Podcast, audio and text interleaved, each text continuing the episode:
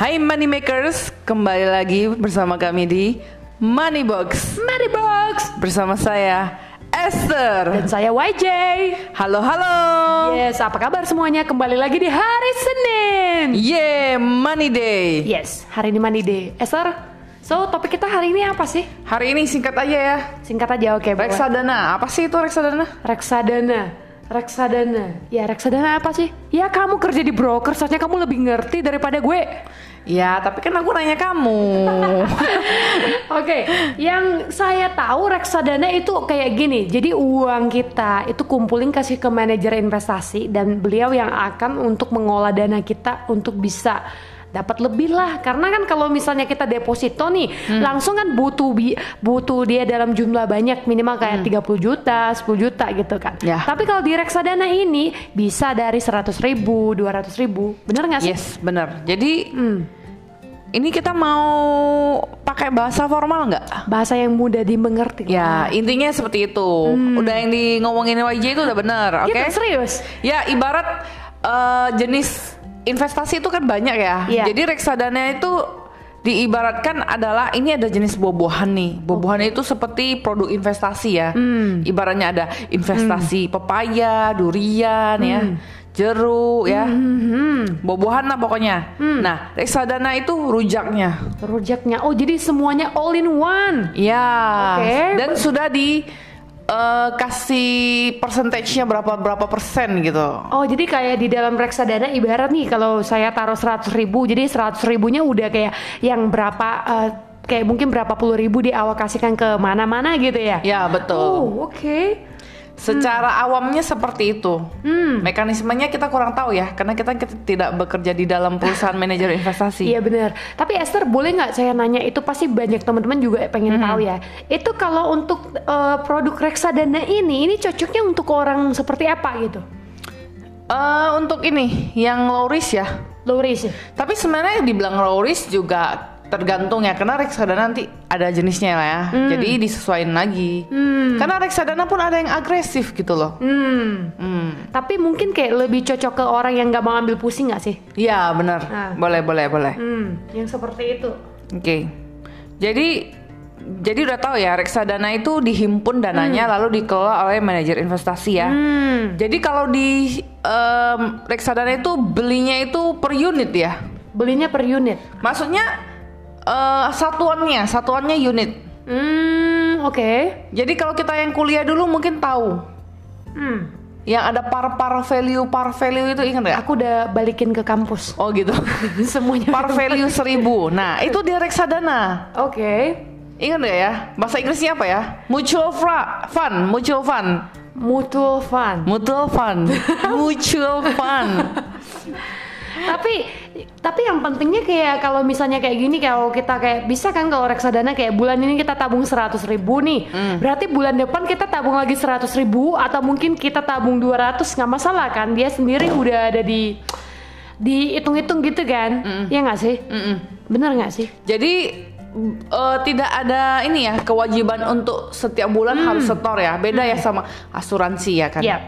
Nah mungkin sekedar informasi aja. Asuransi itu yang setiap bulan kita bayarkan itu kan ada yang unit link unit link itu tau nggak? ah, iya iya iya iya Nah iya, itu iya. sebenarnya reksadana. Oh, jadi as- uang asuransi kita itu sebenarnya udah ada reksadananya. Betul, yang untuk yang ini ya asuransi jiwa yang plus eh, investasi ya. Oh, oke. Tapi ingat ya teman-teman money maker ya, bukan semua asuransi ya. Maksudnya Iya. teman-teman kalau ada yang beli asuransi, boleh coba dicek juga ya sama agen asuransinya ya. Apakah asuransi teman-teman itu udah ada plus investasi atau tidak? Itu bisa dicek sana ya. Mana tahu ternyata eh nilai investasinya sudah tinggi gitu loh. Bener. Mana tahu lagi butuh duit gitu kan, Iya. bisa dicairin. Bener bener bener itu itu bener banget Esther saya setuju sih maksudnya kayak kadang kala kita nggak tahu ya kayak kemarin gue juga ada tabung di BPJS gitu ya Ya. nah dan di BPJS ini eh tiba-tiba ada duit juga di dalam gitu loh kayak kita nggak sadar gitu loh bener Ya, nggak kayak jadi eh, hmm boleh dikorek-korek ya. dikorek-korek ya.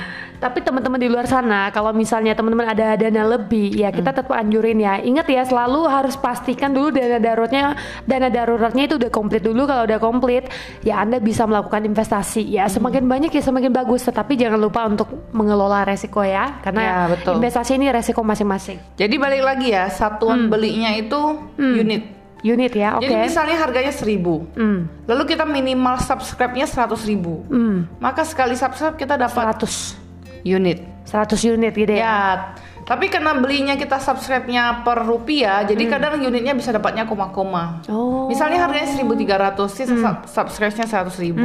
Pasti unitnya koma-koma kan. Nah, itu hal yang lumrah. Oke, oke, oke. Oke. Oke, boleh. Jadi ini jenis reksadananya tadi kan Esther bilang ada beberapa macam nih. Hmm. Ada apa aja sih? Oke. Hmm. Reksadana itu ada empat macam.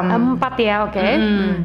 Jadi ada yang reksadana pasar uang, reksadana pendapatan tetap, reksadana campuran sama reksadana saham. Yang kemarin kita juga udah mention ya waktu itu ya. Ya, ya. Ya mungkin eh, dari YJ mungkin boleh eh, apa sih de- deskripsikan gitu bedanya apa aja. Oke, jadi singkat aja ya. Tadi kan singkat, ada ha-ha. empat. Jadi kalau misalnya teman-teman adalah investor yang low risk, konservatif, ya saran kami itu tetap ke RDPU, reksadana pasar uang, ataupun ke reksadana pasar tetap, reksadana pendapatan pasar pendapatan tetap. Nah, jadi itu kayak ibaratnya risknya lebih ke kontrol ya, risknya lebih lebih ini ya, lebih terjaga. Dan kalau misalnya teman-teman adalah investor yang moderat atau yang bisa menerima resikonya medium, itu bisa ke reksadana campuran. Dan sebalik lagi kalau misalnya teman-teman adalah tipe investor yang agresif ya, saran kami bisa ke reksadana saham. Ya, jadi bedanya apa gitu? Kalau reksadana pasar uang dia dimasukin ke kemarin ya kita juga udah jelasin ya ini ya. Tapi secara singkat seperti itu. Hmm. Dan reksadana eh profil resikonya di sini ada. Ya ini udah ada juga ya. Ini kayaknya kita udah jel- jelasin kemarin Jelasin ya, ha. Konservatifnya, moderat sama agresif. Jadi kalau misalnya teman-teman nanti untuk yang dengerin podcast kalau misalnya masih bingung profil resikonya bisa preview balik ya. Itu Ya. ada episode 2 kalau nggak salah atau 3 gitu ya. Ya, ketiga dan keempat. Itu di sana ada. Jadi teman-teman bisa coba dengerin balik lagi gitu ya. Ya. Hmm. Dan eh ternyata reksadana ada yang syariah. Syariah. Heeh, Jadi untuk teman-teman muslim yang mungkin takut apa ada ribahnya seperti itu ya. Hmm, itu bisa cari. Ada reksadana yang syariah. Tapi ini bagus banget ya. Yes. Jadi Hmm. kenapa eh, reksadana syariah sama non syariah itu ada bedanya? Bedanya apa sih? Bedanya ya, kalau misalnya yang syariah itu dia dikelola sesuai dengan prinsip syariah.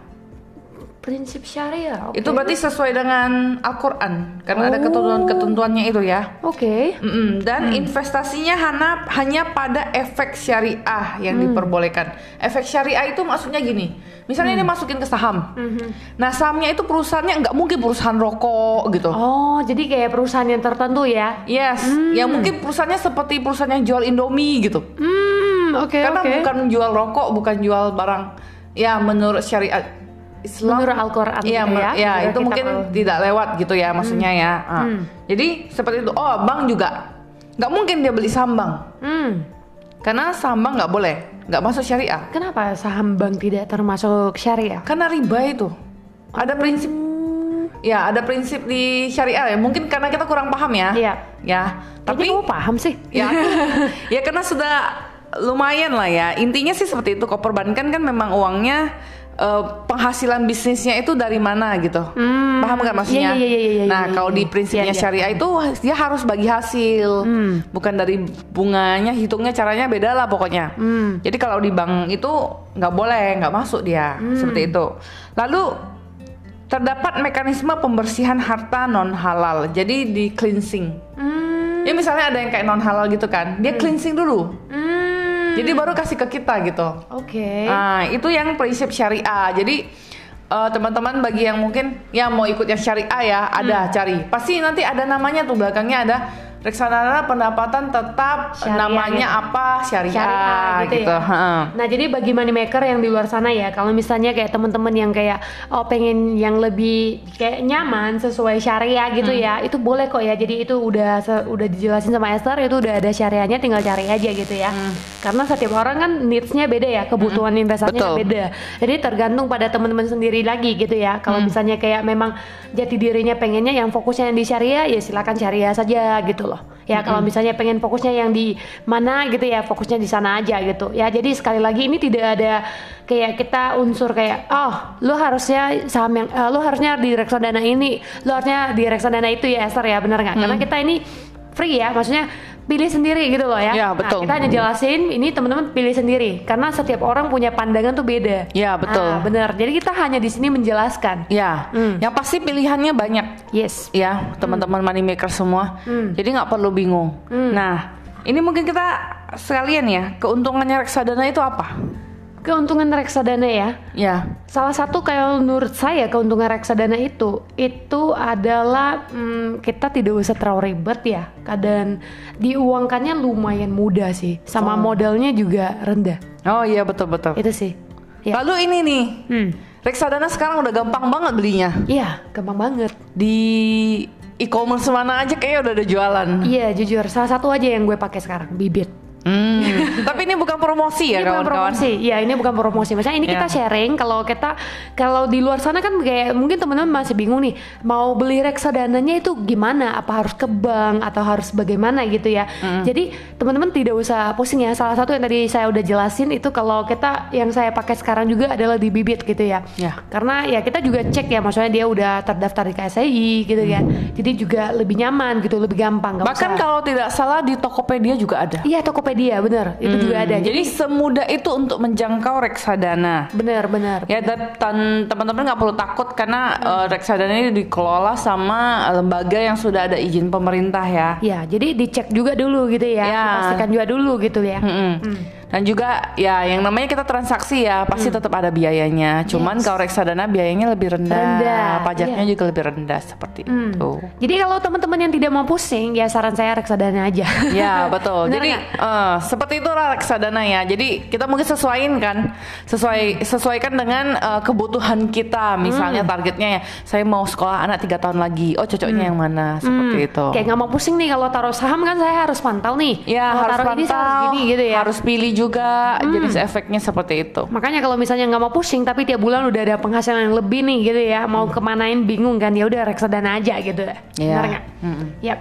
Oke, Esther mungkin sampai sini dulu ya. Soalnya kita juga agak nggak mau terlalu berat gitu ya, biar Betul, nanti betul. kita bisa bicarakan. Ya. So, hopefully ini bisa membantu teman-teman moneymaker kalau tentang topik reksadana ini. Yes. Yes. Next week, next week, no next week. Rabu, Rabu. Ya. Ya. Next two days. Next two days ya. Rabu Ya. lagi kita akan bawakan lagi topik tentang yang lebih dalam lagi tentang reksadana. Ya, Ya. mungkin lebih ke cara belinya di mana. yes. Contohnya apa aja ya selain Ya. yang tadi saya sebutkan gitu ya. Hmm. Ya, seperti itu. Brokernya, bukan brokernya. Eh, Manajer investasinya Ah. ap- apa aja. Apa aja gitu yang kita bisa beli gitu ya. Hmm, seperti itu. Oke boleh. Jadi mungkin cukup dulu sampai di sini untuk kita punya podcast hari ini ya. Oke. Saya YJ. Saya Eser. See you next time. See you. Bye. Dadah.